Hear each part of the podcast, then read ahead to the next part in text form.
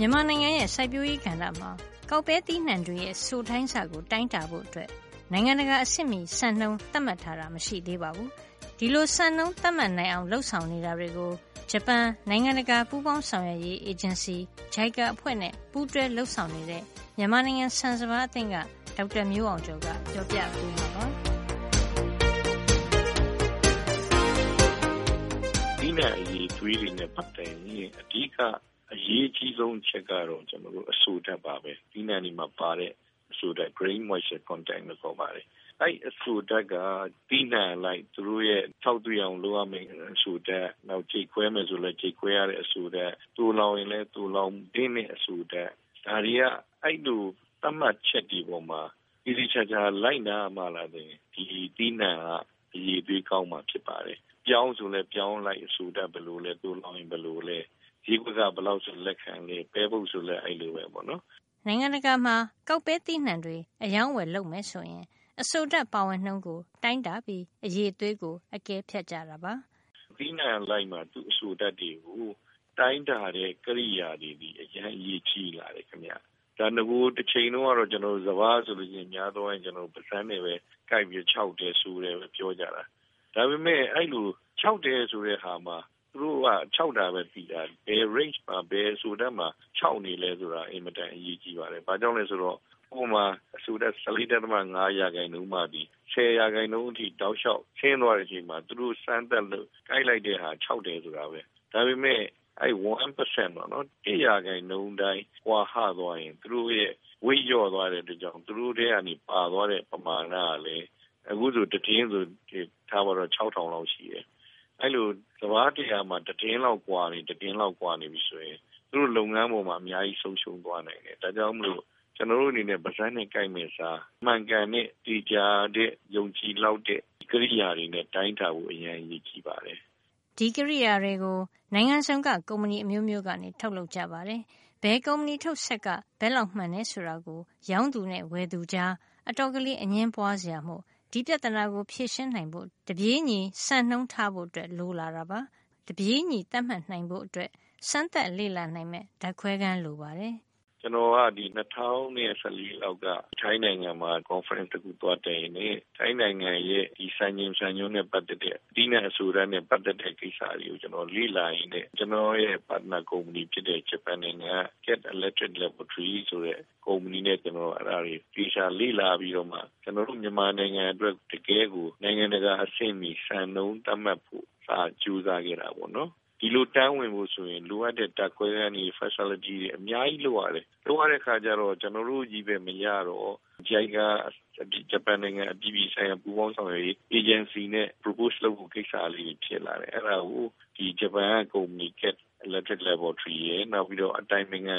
ကုမ္ပဏီဖြစ်တဲ့ Japan Development Service ပေါ့နော်အဲ့ကုမ္ပဏီနှစ်ခုကနေပြီးတော့ကျွန်တော်တို့ ਨੇ အပြန်အလှန်ဆွေးနွေးပြီးလို့ရှိရင်ကျွန်တော်တို့ data တွေသွားသွားပြီးစက်ပိုင်းတွေကိုမေး တောင်သူတွေကိုမေးကုန်တယ်တွေကိုမေးရလာတဲ့အချက်လက်တွေပေါ်မှာအခြေခံပြီးတော့မှကျွန်တော်တို့ဒီ JICA ကို proposal တင်ရပါတယ်အဲ့ဒါလည်း proposal တင်တဲ့အပြန်အလှန်ကျွန်တော်တို့လုပ်ရင်းနဲ့နှစ်နှစ်လောက်အချိန်ယူရတာပြီးခဲ့တဲ့နှစ်က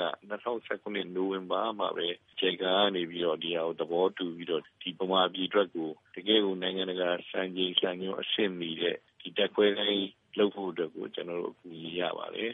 စိုက်ပျိုးရေးကဏ္ဍတိုးတက်ရေးမှာမရှိမဖြစ်လိုအပ်တဲ့ နိုင်ငံတကာအဆင့်မီစံနှုန်း မြန်မာနိုင်ငံအတွက် သတ်မှတ်ဖို့ လုပ်နေတာကို ကြည့်ရအောင်ပါ။ကျွန်တော်တို့ မြန်မာနိုင်ငံရဲ့ အခြေအနေကိုနှစ်နှစ်တာ လေ့လာမှုအရ ကျွန်တော်တို့မှာ စံချိန်စံညွှန်းနဲ့ ပတ်သက်တဲ့ အဖွဲ့ကြီးဟာ အခုခါမှာ ပညာရေးဝန်ကြီးဌာနအောက်က သူတေသနာနဲ့ဒီထွင်စမ်းသပ်မှုဦးစီးဌာနဆိုတဲ့အောက်မှာရှိတယ်အခုဆိုရင်အဲ့ဌာနအောက်မှာ National Institute of Meteorology မြန်မာဆိုတဲ့ NIMM ဆိုတဲ့ institute အသစ်ကြီးဒီသူတေသနာအဆောက်အဦအသစ်ကြီးကလည်းအချိန်ငိုက်ပေါ်လာတော့ကျွန်တော်တို့ရဲ့ဒီအကွဲကန်းကြီးတစ်ခုကလည်းအဲ့မှာတခါတည်းအတော်ပဲကျွန်တော်တက်လိုက်နိုင်တယ်ပေါ့နော်အဲ့ခါကျတော့ စံထားစရာကိရိယာ primary standard unit ဆိုတဲ့ဒီအဆိုတာတိုင်းကိရိယာကိုလှုပ်ဖို့ဆိုတာကခုနပြောတဲ့ဒီသိပ္ပံသုတေသနနဲ့ဒီထွင်ဆန်းသမှုဌာနတာဝန်ယူသလိုကျွန်တော်တို့ရဲ့ဒီတပြည်လုံးမှာပြန့်နှံ့နေတဲ့ဒီလိုကိရိယာတွေကိုမှန်မှန်ကျွန်တော်တို့စစ်ဆေးပြီးတော့ ဒီတက်တေကန်ထုတ်ပြီးမဲ့အပိုင်းကြတော့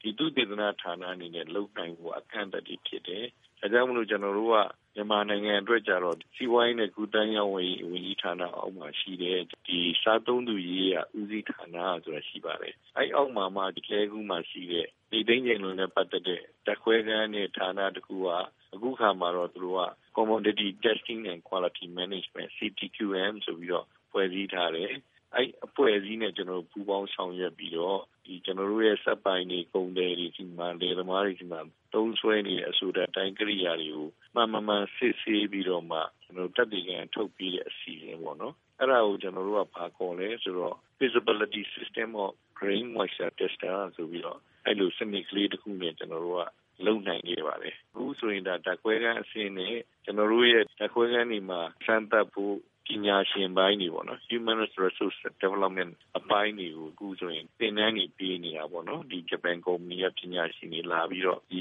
သူတေသနဌာနပညာရှင်တွေရောစားသုံးသူရေးရဦးစီးဌာနပညာရှင်တွေရောဒါပထမအဆင့်သင်တန်းတွေပေးတယ်ပေးပြီးလို့ရှိရင်ဒီကနေပြီးတော့ကျွန်တော်မြန်မာနိုင်ငံအတွက်ပြီးနက်တကူချင်း master calibration gap တွေကိုကျွန်တော်တို့ကဒီမှာရင်ကိုယ်နိုင်ငံနဲ့ကြိုက်လက်ရောညီဆိုတာကျွန်တော်တို့ လုပ်မယ် နိုင်ငံတကာအဖွဲ့အစည်းတွေနဲ့ ချိတ်ဆက်ပြီးတော့ ကမ္ဘာအဆင့်မီ ကျွန်တော်တို့တိုင်းပြည်အတွက်ကူစားပြုတဲ့ သက်တည်ခံနိုင်မဲ့ဖွဲ့ကြီးတစ်ခုအနေနဲ့ ကျွန်တော်ရက်ပြည်ရင်းနဲ့ ဒါမြန်မာနိုင်ငံတိုးတက်လာမဲ့ဆန်စပါးတွေပေါ့နော်ဒီပတင်ပို့တဲ့ကိစ္စတွေမှာ ဒါဒီအဖွဲ့က ခိုင်ခိုင်မာမာရှိတဲ့အတွက်ကြောင့် ရောင်းသူနဲ့ ဝယ်သူကြားမှာ fair trading ကိစ္စတွေ ကျွန်တော်တို့ဘက်က လုံးဝပြောကြရမလို့လောက်အောင် ကျွန်တော်တို့ ပြည်စုံသွားမယ် ဒီဟာဘယ်လိုခေါ်မလဲဆိုတော့ ကျန်ခဲ့တဲ့ ဆယ်စုနှစ် နှစ်စု သုံးစုလောက်တည်းက ဒါတွေက အကုန်လုံး ဖြစ်နေရမှာလीအခုကျမှ ကျွန်တော်တို့လည်း အမိပြေးလိုက်ရတော့တာပေါ့နော် ခုံပေါက်ပြီးတော့ တော်တော်လေးလည်း ကျွန်တော်တို့ပြင်ပန်းကြပါတယ်ခင်ဗျာဒေါက်တာမျိုးအောင်ကျော်ရဲ့ ပြောကြားခြင်းနဲ့ပဲ ဒီသတင်းပတ်အတွက် သိပ္ပံနဲ့ဤပညာကဏ္ဍကို ဒီမှာပဲရန်နာလိုက်ပါရစေ